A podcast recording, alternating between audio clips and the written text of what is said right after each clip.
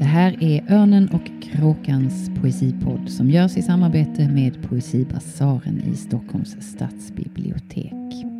I den här podden samtalar kritiker, poeter och andra om aktuell svensk och nyöversatt poesi. Göteborg i poesin och poesin i Göteborg. Välkomna till Örnen och kråkans andra höstpodd. Vi befinner oss på Stadsbiblioteket i Göteborg. Ett ganska glest, eh, glest bibliotek idag med tanke på att det pågår en, en mässa inte långt härifrån. Bokmässan.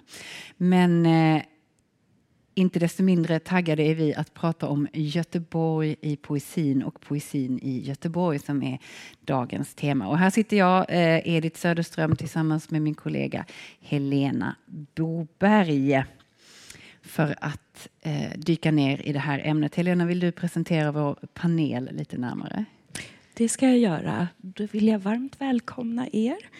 Eh, vi har Louise Halvardsson, scenpoet och en av de drivande krafterna i det Göteborgsbaserade nätverket och mikroförlaget Poesiverken. Hon är också föredragshållare och arrangör av olika poesievents.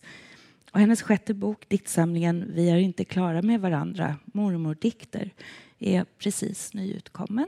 Och så har vi eh, poeten Elise Ingvarsson som i sin senaste bok från förra året, De näst största städerna, en, som är en prosalyrisk berättelse, låter en bild av en mycket segregerad stad vars realitet äter sig in i det privata.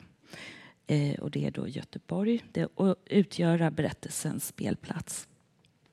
Och med oss har vi också Miriam Lange Lidin Eh, som är eh, bibliotekarie på Stadsbiblioteket. Eh, hon är programbibliotekarie med inriktning på poesi och hon har också startat eh, flera programverksamheter och projekt med, i syfte att föra ut poesin i staden och till eh, besökarna här på biblioteket. Eh, bland annat en programverksamhet med poesisamtal eh, på Stadsbiblioteket Eh, Poesisamtalen heter den. Poesigalleriet som är ett showroom för poesi eh, och skyltar med poesiböcker. En verklig förkämpe för poesin får man ju säga. Låter ja. det som. ja, jo men det är roligt. Ja, ja. ja himla kul. Mm. Ja, Emanuel Swedenborg spekulerade på 1700-talet att himmelriket måste ha sett ut som Göteborg till exempel, om jag minns rätt. Är det någonting som ni skriver under på? Vad säger du Louise? eh, himmelrike var väl att ta i, men eh, jag tycker att det är en väldigt inspirerande stad. Eh, för att citera mig själv så sa jag en gång att Stockholm var för vackert. Att Göteborg är lite mer skitigt och det skapar en mer så här punkig underground-känsla som jag verkligen gillar med Göteborg. Mm. Jag kan förstå det. Vad säger du Elise? Ja, um, det är en stad som uh, personligen jag kanske både brottas med och lite motvilligt älskar. Uh, jag är inte härifrån, men jag har varit här mycket även som barn, kanske främst på hissingen. Och det kanske också präglar på mitt perspektiv lite grann. En, en främling i en stad av uh, många främlingar, tänker jag. Mm.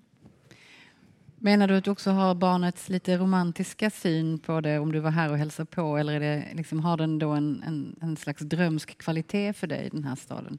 Ja, jag vet inte, när man, när man kommer från eh, Borås, kommer från landet så är ju Göteborg eh, den närmsta största staden. Mm.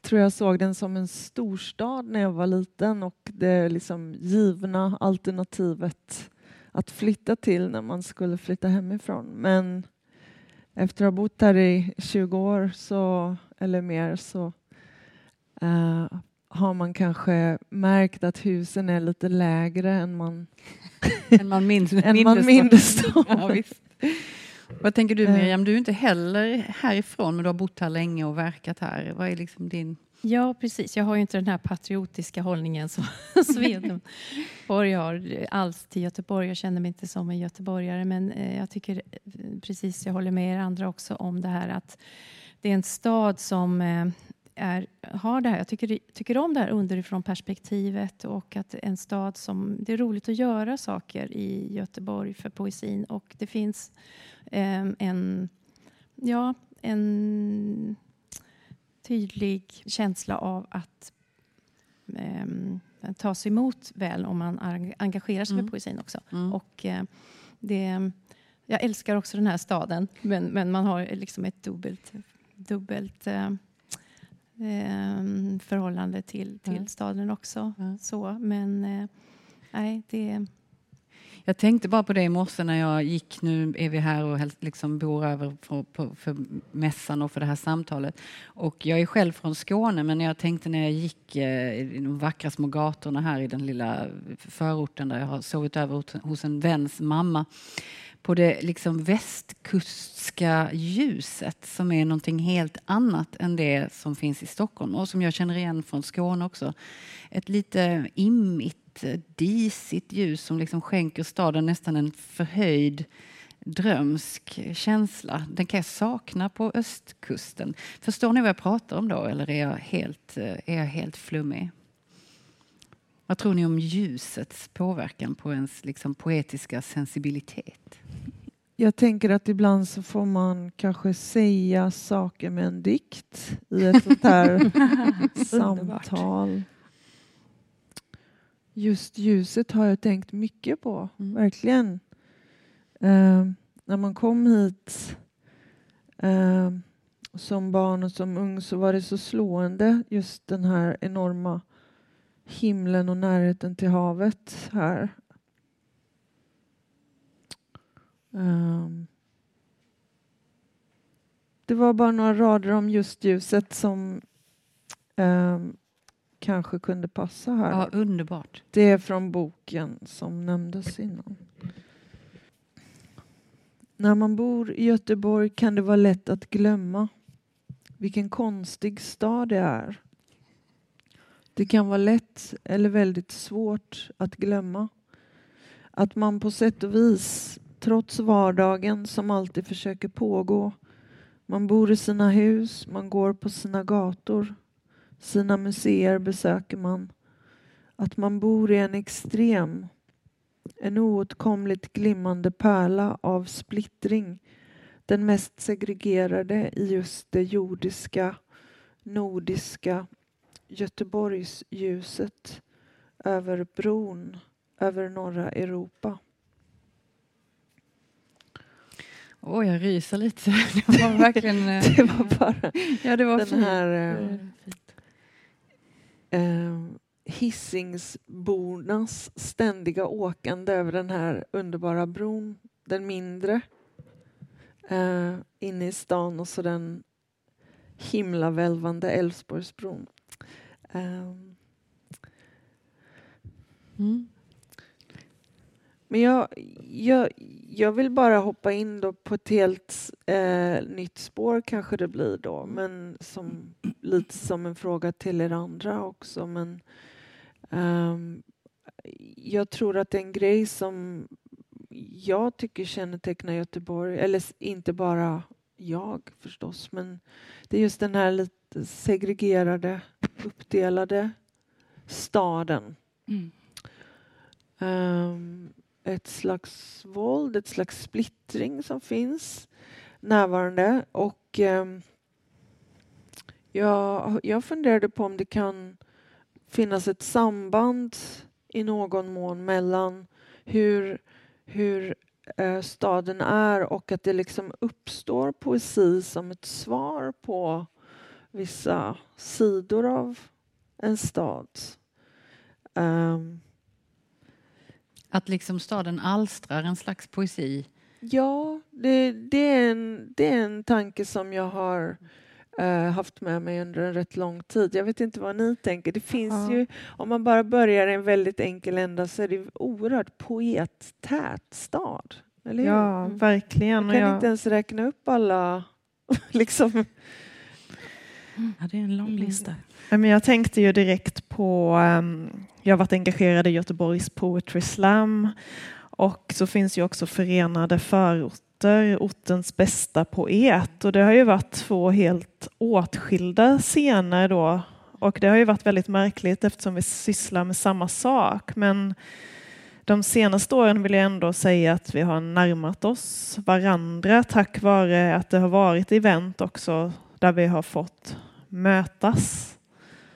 Det är ju Mm. fantastiskt att det sker. För jag tror att det här är någonting eventuellt som inte är helt unikt ändå för Göteborg. Det är ju, kan man ju också se i andra större städer, den här typen av eh, segregation. Mm. Ehm, Ja, jag tänkte på en poet, Sara Garib, Ja. ja, eh, som väl har varit just eh, ortens bästa poet. Eh, på hennes diktsamling Bakom höghus. Har en dikt här av henne. Finns det tid att läsa? Eller? ja, läs. Jag gör det. Vad roligt. Ja. Eh, den heter Övervakningskameror. Ögat följer Ammos steg över grusplanen. Fotbollen på väg genom basketkorgen. Rökringarna, grabbarna puffar med kissan. Druvorna på torget, duvorna på torget. Cyklarna vid porten. Solrosfrön i högar på bänken. Sirener hörs oftare än glassbilen. Du vänder inte ens blicken när du ser polisen. Kommer du ihåg när polisen var kändis? När alla ungar samlades i cirklar för att fråga vad händer? Eller gångerna man hörde en politiker var på besök i skolan. Värsta hype, walla, vi gav dem luft. Ögat följer vattenkriget de dagarna solen steker. Ungen som spottar från balkongen. Kindpussar mellan farbröder. Engångsgrillar och kyrkebabs. En Fiat och en Mercedes som står parkerade sida vid sida. Ja, det fortsätter här, men det, det utspelar sig då i ett segregerat Göteborg med de här övervakningskamerorna. Ja, det kanske är... Ja, förlåt. Nej, men jag tänker det har väl också eh, präglat, jag tänker genom tiderna hur det har sett ut. För, eh, om man talar, ni, nu pratar vi om nu, nutid och många säger kanske att det inte har funnits någon poesi i Göteborg, att det inte fanns så mycket poesi före 1970. Att det hände någonting där, liksom i poesi. Eh, ehm, med Göteborgs poesifestivals intåg. Men eh, om man skulle liksom gå tillbaka i tiden och det är klart att det har funnits poesi före 1970. Ja. Mm. Men det hände någonting Men- där. Men jag tror att det hände någonting Mm. där 1982 Mm, när man startade den här Göteborgs eh, poesiscen, mm. eh, poesifestivalen. Eh, för att det blev liksom en scen för det var ju en alternativ konstscen då på 80-talet med, eh, som startades av Malga Kubiak och Kjell Zachrisson startade festivalen till Malgas far, den polska poeten Tadeusz Kubiak. Och eh, med stora namn som eh, Kathy Acker och Nick Cave och Tranström med Wille Kyrklund, Elsa Grave och eh, Mikael Strunge som eh, fanns där liksom som, som, som scen. Men, men det är klart att det har funnits poesi. Ja, och det är ju ganska tidigt. Jag menar 1970. idag så svämmar det, ju, det finns ju otroligt mycket fest, litterärt, alltså festivaler med litterära teman och så. Men det här är ju ganska, här är man ju tidigt ute då Ja, i ja, Göteborg. och den håller ju Mm. fortfarande på Mm. med drygt 40 år. Mm. Så att det är ju en, en jättestor, eh, Mm. viktig eh, Viktig institution i princip. Ja. att Ja. nämna. Ja, jag, ja, jag vill flika in då att mitt möte med Göteborgs poesin var ju bröderna Birro, Marcus och Peter. Eh, Som, eh, jag, jag är inte heller från Göteborg måste jag flika in, jag kommer från Nässjö. Eh, Men jag läste Marcus och Peter Birro och de målade ju upp en Göteborgsvärld för mig som jag tyckte lät väldigt spännande. Och de verkade också lite i den här underjordiska poesin. Men det är ju någonting med Göteborg som liksom på något sätt manar till någon slags mytologi. Nu tänker jag också på Håkan Hellström som har ju skapat en sån, nu är han ju inte inom, men han tangerar ju poesin lite grann i sitt låt, liksom låttextskrivande. Att jag tror att Göteborg liksom har förlänats någon slags mystik. Är jag ute och cyklar? Att det finns liksom någon slags som en parallell litterär verklighet här på något sätt. Ja, men det tycker jag verkligen. Och nu är det ju en roman, men det kommer ju fram lite i samlade verk av Lydia Sandgren. Jag tycker hon skildrar det. Mm. Just det, Mm. väldigt intressant. En föreställning man kan ha om Göteborg, om man inte lever där själv i alla fall, är att det liksom är lite friare, lite punkigare och mindre nepotistiskt och finkulturellt än Stockholm i de litterära kretsarna. Inte minst är Göteborg känt som en stad med stort politiskt vänsterkapital. Kommer det till uttryck i poesin och litteraturen, tänker ni?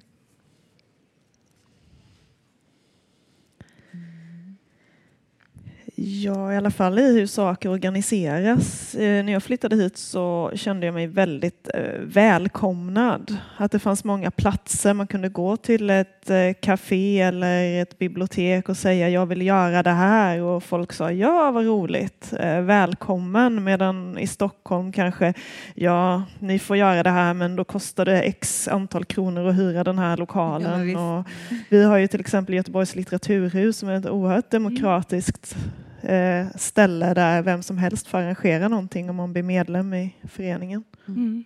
Och hur ser det ut med liksom, eh, kommunikationen eller samtalet mellan olika konstarter? Jag tänker liksom på Backa teater som ändå har gjort sig ett namn i hela Sverige för sin liksom, eh, lite, lite eh, avantgardistiska hållning och sådär.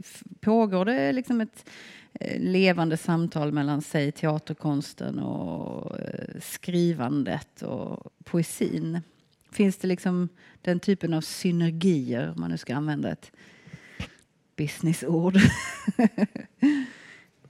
Vad tänker du Miriam?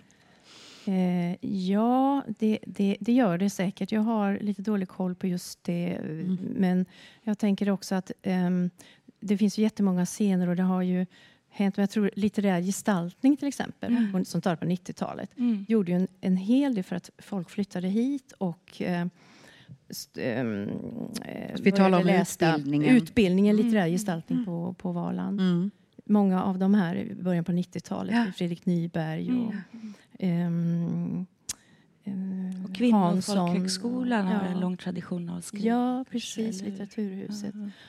Och eh, också senare, och Stadsbiblioteket också naturligtvis. Mina Ja, kollegors eh, pionjärarbete. Mm. Madeleine Bergmark Ja. tänker jag på också som, som gjorde enormt mycket för unga poeter att få komma ut och läsa Poesihörnan. Mm. Som, eh, alltså det finns många, många scener. Angered författarskola om vi inne också, eller hur? Mm. Ja. Ja, precis. Det är väl du Ja, verksam pr- ja precis. eh, Det är jag. Och jag, jag, jag, jag stämmer in i den här beskrivningen av eh, otroligt många egentligen platser för de här även kritiska och reflekterande samtal om poesin Mm. eh, som du nämner Miriam. Men jag tänker även på Angereds bokmässa Mm. som är ganska relativt ny eh, företeelse. Fem år sedan startade den eh, som ett forum för, inte minst för eh, exilpoeter eh, och poeter som skriver på minoritetsspråk.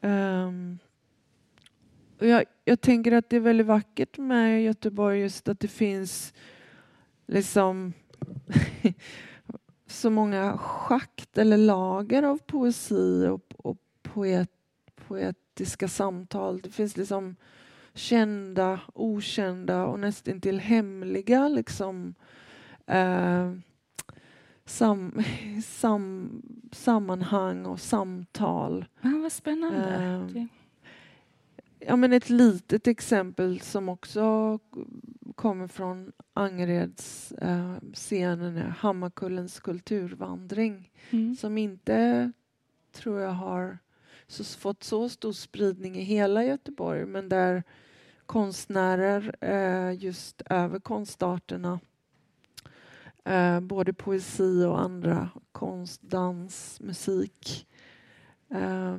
sam, samverkar och träffas eh, under en dag. Eh, och det brukar vara väldigt vackra uppläsningar på många olika språk.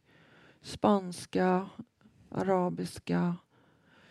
Och eh, det tycker jag är en sak som är värd att, att hålla i minnet. Liksom att, eller jag, jag tänker på det lite som att i Göteborg ryms många andra städer på något sätt.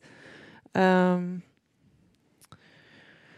städerna hos, hos alla som så, så att säga inte, inte är från Göteborg. Um, för det är väl också ett signum för en stad i den här storleken att den består såklart av liksom någon slags urgöteborgsk anda men den är, det är ju också en stad av, för inflyttning. Ja, ni representerar ju alla det. Ni är liksom göteborgare men ändå med en utifrån och inifrån blick mm. på något sätt. Eh, vilket gör den till en vital och intressant mm. stad.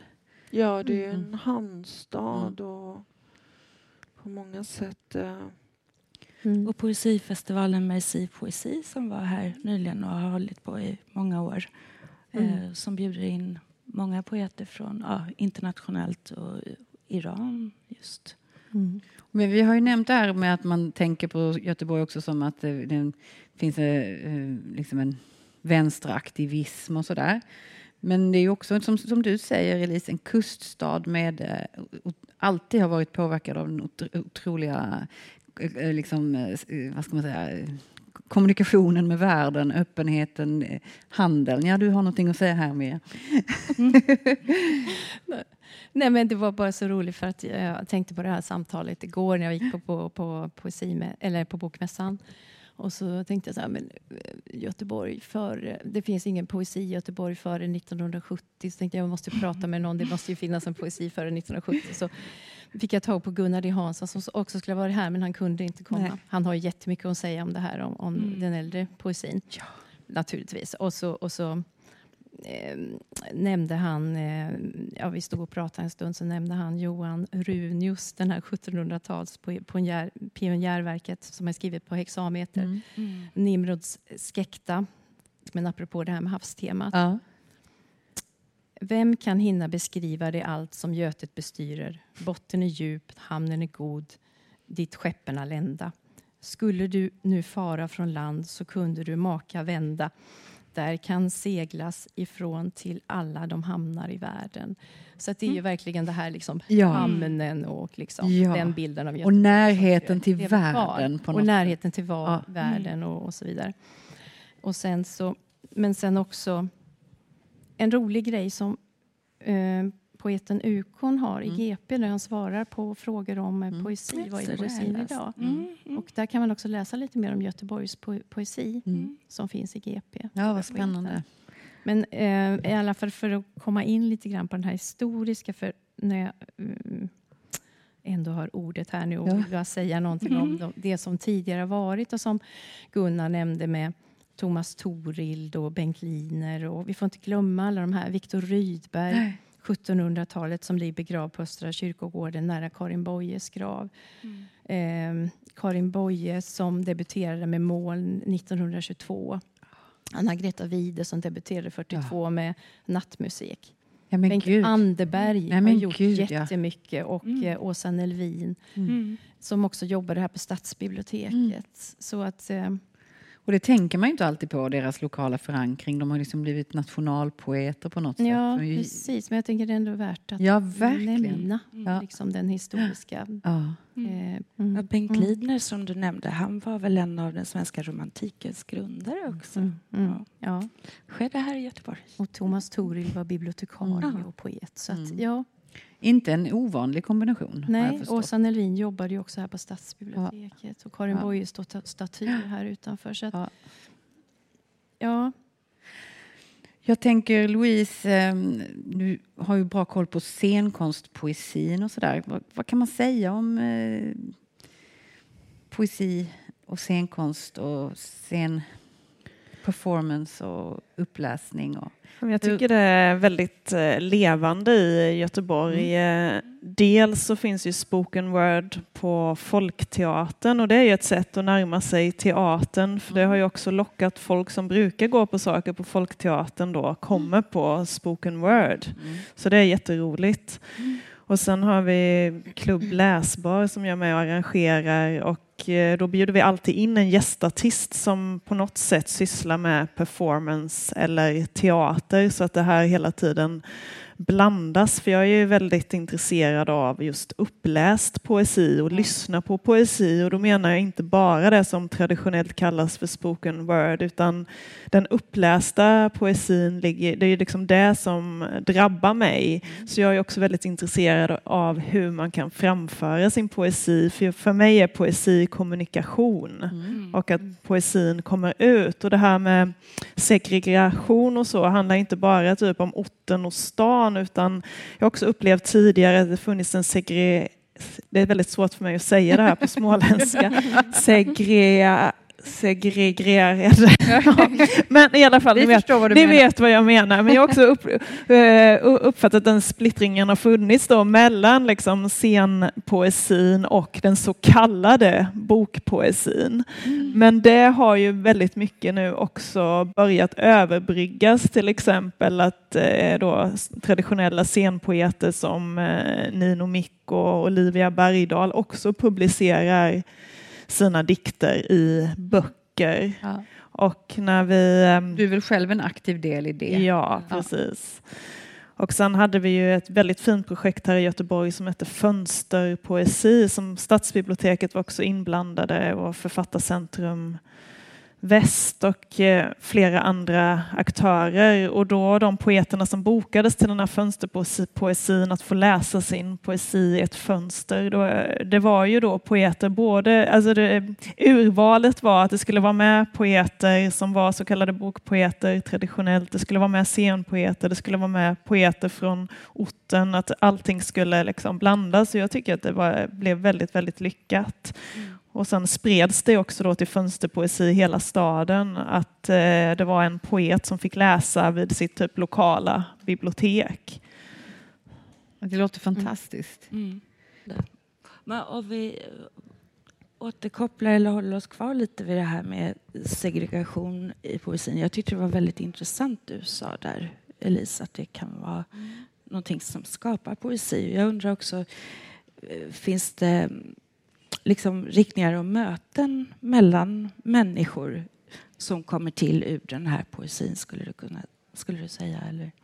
Förlåt, vad sa du bara? Jag hörde inte riktigt. Ja, men, ja, jag tänkte liksom två tankar samtidigt. Dels, ja, men, förlåt, jag, det var bara ett ord. Inte här. Ja, precis. Dels kan det finnas en segregation inom poesins, mm. poes, eh, eller Göteborgs, som, eh, Göteborgs poesiscen och poesiliv, eller vad man kan kalla det. Eller leder det här också till eh, möten mellan människor, den här poesin som skapas ur det som mm. du nämnde? Ja. Precis. Nej, men jag, jag kanske vill återkomma lite till de här eh, samtalen om poesi som, som för mig och för många andra har varit, tycker jag varit en otroligt viktig mötesplats. Um, och då tänker jag kanske inte minst på uh, de skrivutbildningar och, och skrivarkurser som uh, nämndes där man liksom väldigt ingående, reflekterande och ofta med både liksom djupt allvar och en viss humor talar om eh, poesi och skrivande. Eh, vi, det har ju redan nämnts eh, litterär gestaltning förstås och eh, kvinnofolk, kalam. Eh, och men det är liksom det är fascinerande för mig i alla fall att tänka på eh, poet Göteborg, eller vad man nu ska kalla det, som en slags stort och poröst sällskap av ehm, eh, av poeter, av eh, missförstådda divor som sitter vid sina fönster och försöker skriva nya dikter och fortsätta samtala. Um, för mig kan det liksom finnas en slags omvänd betydelse på något märkligt sätt med poesin att um, det, det handlar om så otroligt uh, noggranna uh, iakttagelser och det är liksom så underbart på ett sätt att det finns eh, olika typer av sammanhang där man kan få, få lägga märke till de sakerna tillsammans. Um, jag tror jag har några korta rader som handlar om att poesin också uppstår på gatorna när man bara pratar med varandra på ett sätt. Eh, vitsarna, som Göteborg är så känt för. jag har märkt att poeter har en väldigt rolig humor. Eh, en vän till mig klagade över sitt arbetspla sin arbetsplats, liksom att ah, sjuksköterskor har inte så rolig humor, sa hon lite ledset. Och jag strödde salt i såret med att säga att ja, men när jag träffar andra poeter så skrattar vi hela tiden. och det har väl att göra med den här nästan vansinniga uppmärksamheten på språket där vitsarna är liksom en, en bärande del i, i Göteborgs eh, värld. Ja, jag behöver inte läsa det. Men, men, jo, jo. ja, okay, ja, men, har du sagt men jag har redan sagt det. Ja, mm, ja okej. Okay. Bara några rader. Ja. Man kan tro att people freak out inför det obegripliga, men det gör vi inte. We want it to sound good hela tiden. På gatorna i den här staden försiggår the disruption of meaning that is poetry. Men vem lyssnar efter störningen? Det vansinnigt noggranna, det som aldrig blir färdigt. We, all we. Behöver du cigaretter nu? Ja, nu. Um, det handlade inte så mycket om vitsarna, men just det här, jag, jag, jag bara kastar bollen vidare, men liksom Eh, en slags lycka man kan känna när man är ung är man ofta otroligt ensam i sitt skrivande och så liksom få börja på någon av kurs. Vi har inte nämnt, det finns så många vi kanske också inte har nämnt, det känns oöverblickbart mm. nästan. Men, men jag tänker på det här en, sammanhanget ja. som du beskriver Louise. Och, mm. eh, några som vi inte har nämnt som, som också gör upp med den här klichébilden av Göteborg kan man säga. Det är ju Athena Farrokhzad och ja, Folkhammar. Och eh, Linn Hansén som startade poesikollektivet GTBRG. Jag har försökt få tag i den här boken ja. för att läsa till nu, men mm. det gick Ja, precis. Nej, men det måste man ju nämna i det här sammanhanget. För att, för att de, de, hade ju, de alla är avflyttade från Göteborg här nu, men, men de gjorde ju verkligen upp med, och de hade ju en Göteborgscentrerad poesi kan man säga, men, men att de de ville liksom, ville liksom visa på en annan bild? En eller? annan bild, ja. Dekonstruera klichéerna ja. på något sätt? Ja. Och liksom den typ av bild som fanns för Göteborg. Så det. Och en annan sak som vi måste nämna också, den här Göteborgsälvan eh, som är antologin som kom på Megafon 92 som Ragnar Strömberg skrev förordet till. Ragnar Strömberg har också betytt ja. jättemycket och måste nämnas i detta sammanhang. Eh, han ville också poeter. komma hit idag men han, han skulle, skulle, sitta på mässan. Mm. Ja. Eh, men där elva poeter, de här 90-talisterna, Fredrik Nyberg, bland annat Jörgen Lind, Lina Ekdahl mm. och Ukon skriver mm. poesi. Och det skulle vara någon slags fotbollsanspelning då med det här med elvan, ja. Göteborgselvan. Ja. Så den eh, får inte glömmas bort. Var det liksom ett, kan, man, kan man kalla det som en slags eh, urscen startskott för deras poetiska värv, de här unga poeterna då, ja, 92. Att det, hände, att det kom många från 90-talister, mm. mm. bland annat de här nämnda. Mm. Och drog, flyttade till staden och eh, i olika sammanhang, litterär gestaltning mm. var väl en anledning. Mm, många flyttade hit mm. på 90-talet och blev en, en grupp. En scen. Liksom. En scen. Mm. Och, mm. Ja, men det finns ju liksom några så här mytomspunna poetkollektiv i Göteborg i nära historia. Vi har varit inne på ett par av dem, bröderna Birr och eh, KTBRG. Eh, och då tänker jag också på du Louise, kan du beskriva lite vad ni gör? Skriver ni tillsammans också? Eller vad, vad driver er som? Ja, Poesiverken då heter vi Verken? Och vi är en löst sammansatt grupp på kanske ungefär tio personer och vi skriver tillsammans ibland men framförallt gör vi performance tillsammans i olika konstellationer, att vi ofta är flera personer Mm. på scenen. Och eh, en, eh, en stor grej för oss är ju bland annat eh, fantasin. För Maurits Tistelö är också en Göteborgspoet. Eller han bor inte här längre, men han har väl varit väldigt viktig för att utveckla poesin i Göteborg. Just för att han har blandat poesi och performance. Att han har eh, performancekonst är ofta att man gör kanske ett livekonstverk på scenen och han har blandat det med att då läsa en dikt och göra något Mm. eh, samtidigt, eh, liksom små aktioner. Det kan vara allt från att liksom ja, bita i en citron eller blinda in sig i eh, ett rep eller, eller vad som helst. Så det, det är liksom mycket så vi jobbar. Att nu var vi tre från Poesiverken som var på Poesimässan i Stockholm och då hade vi med oss en jordglob som vi kastade till varandra på scenen. Så det, är, mycket så experiment. Och att vidga uttrycket på något sätt. Ja. Vidga rummet. Mm. Precis, och sen jobbar vi ju också väldigt mycket med öppna scener för att alla ska få en röst, eh, vem man än är. Och plus att vi vill då visa att så här kan man också göra.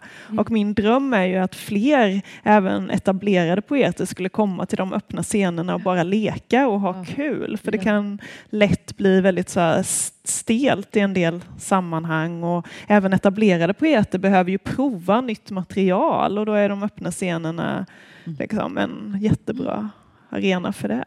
Du har också ju- tagit med dig någonting av din egen text som vi kanske skulle kunna få höra lite Ja, apropå som du skriver mer i den här riktningen skulle vara jätteroligt. ja absolut. Det bara kändes som att Elise var- hade nej, något nej, på nej, hjärtat. Det var där. bara apropå det där att eh, i, i Sverige är ju ofta alkoholen och eh, uppläsningen åtskilda. och det kan ha en viss bidragande faktor till stelhet. Mer alkohol till poeterna helt enkelt. Men jag, jag bara ville bara vara jättekort nämna ett, eh, en scen som fanns ett tag som jag tror ligger vilande, pubpoesi. Ja, jag tänkte precis på dem Och, också. och nu finns det ju en annan scen som Textival har startat som heter Böcker och brygg. Där är det i och för sig kaffe då. Så det, men det är i en, på ett café här på Avenyn. Också ett rusmedel men kanske inte riktigt lika ja. effektivt. svagare. Ja. Nej, men det är ju också verkligen så här Poesiverkens grej att ta ut poesin till kaféer och Mm. pubbar och även på gatan har vi stått Mm. och vi är i Slottsskogen och pubpoesi var också ett exempel på det. Så att, men eh, nu ska jag köra en eh, dikt som är jättemycket eh, Göteborg och också har det här liksom fantasi elementet och för folk som inte bor i Göteborg så måste jag ändå berätta att det finns en graffititagg som heter Sorg. Mm. Att var, var man än går så ser man att det står sorg. Många av dem kanske är borttvättade men det kommer alltid nya. Vem har målat sorg över hela stan? Vem är det som är ledsen? Vem gråter? På toalettlock, busshållplatser och parkbänkar, från centrum och ut till orten och tillbaka igen. Stora svarta bokstäver på husfasader, elskåp och gatlyktor. Klotterjägarna med sina saneringsvapen hinner inte med. Svabbar de bort en sorg kommer det en ny. Är det en landsorg eller är den personlig? Smärtan när istapparna trillar från taket och krossar våra drömhinnor. Vem har målat sorg över hela stan? Vem är det som är ledsen? Vem gråter? Är det en statsminister som varit ute med spritpenna och berusat sig själv på lukten?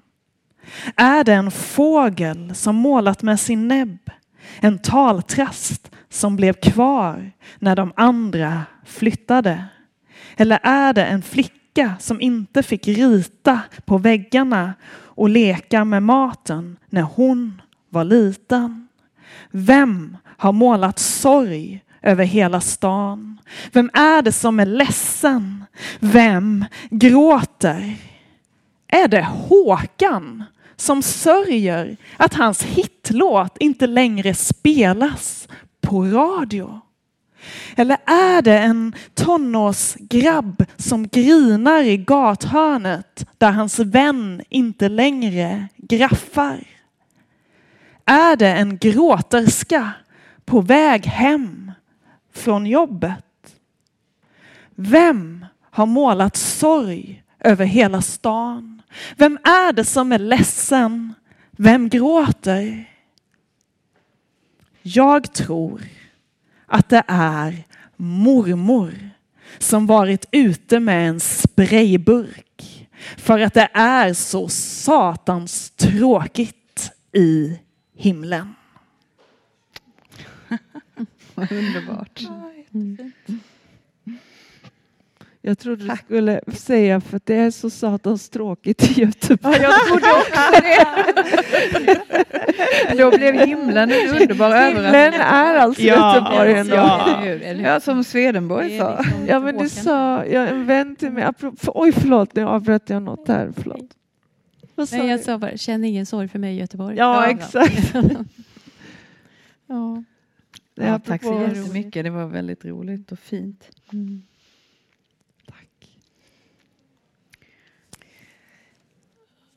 Ja, Ja, mm. Det finns mycket att säga. det finns mycket tänkte- att säga. Ja, Ja, vad tänker du Apropå- Mia? Nej, men jag som- tänkte på bara, det, det kanske inte fanns så mycket förlag, men OE, OEI Mm. fan, var ju ett, ett poesiförlag som låg i Göteborg och Ja, som, ti- tidskrifts, Ja, ja, som nu har flyttat till Stockholm.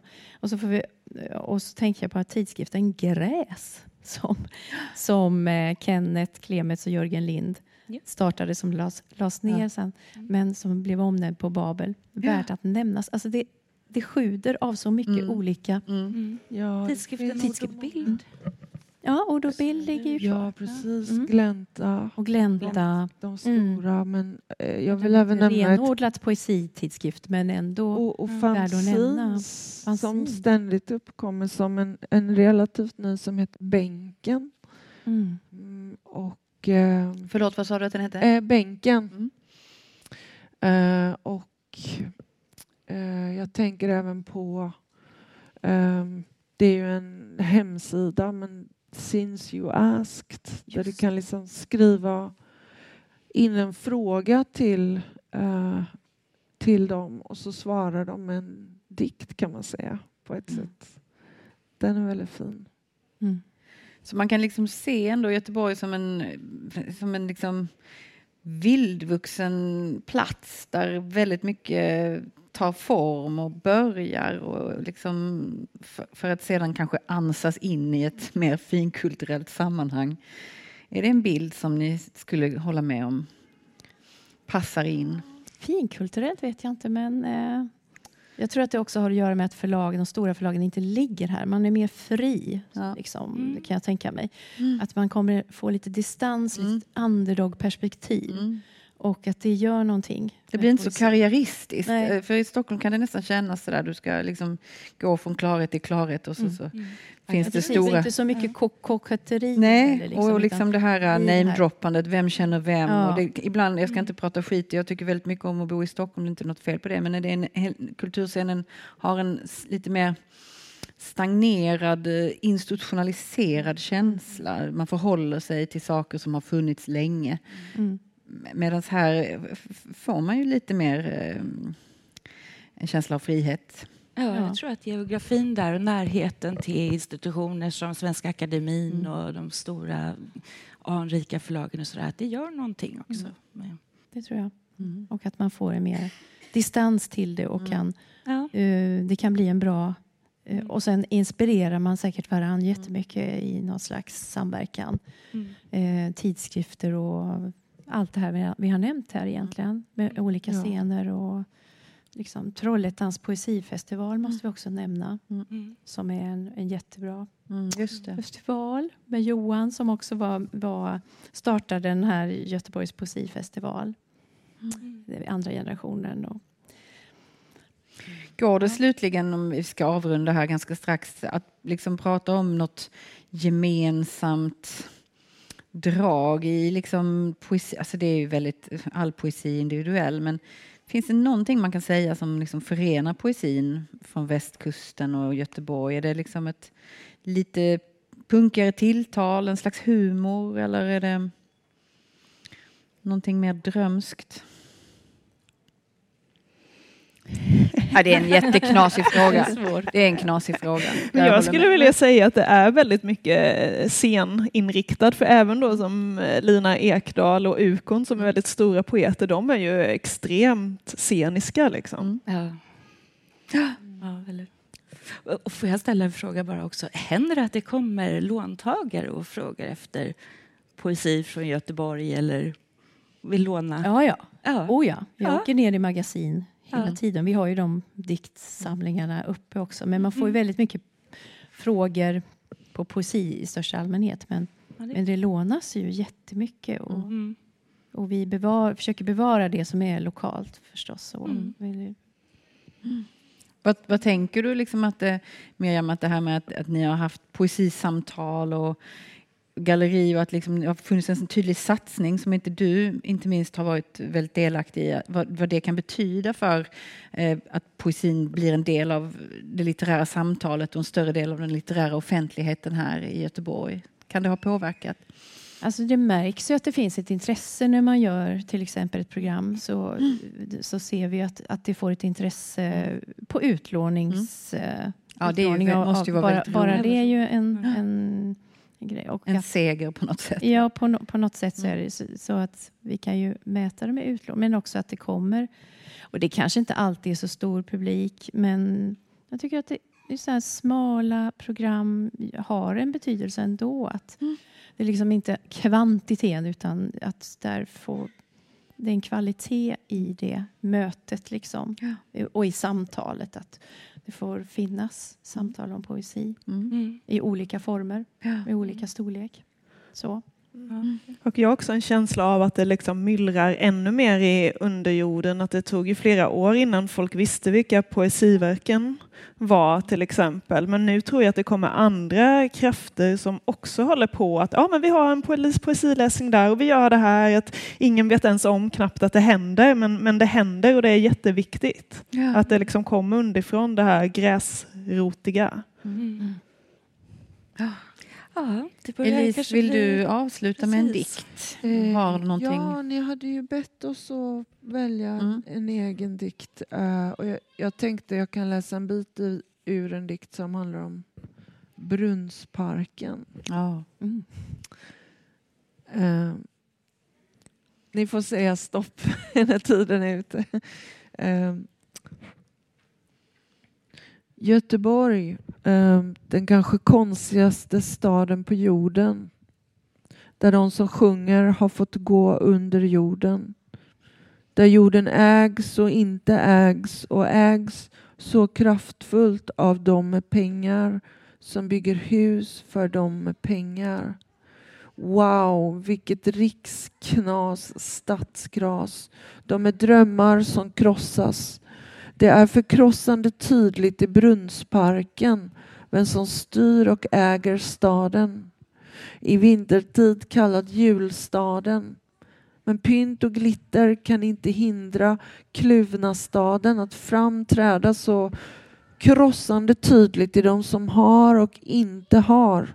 Inte heller du kan bara sjunga i den, hos den och ur den, på gatorna i den här fejkade glädjen. Har någon en aning om vad inkarnationens mysterium egentligen betyder? Knappast.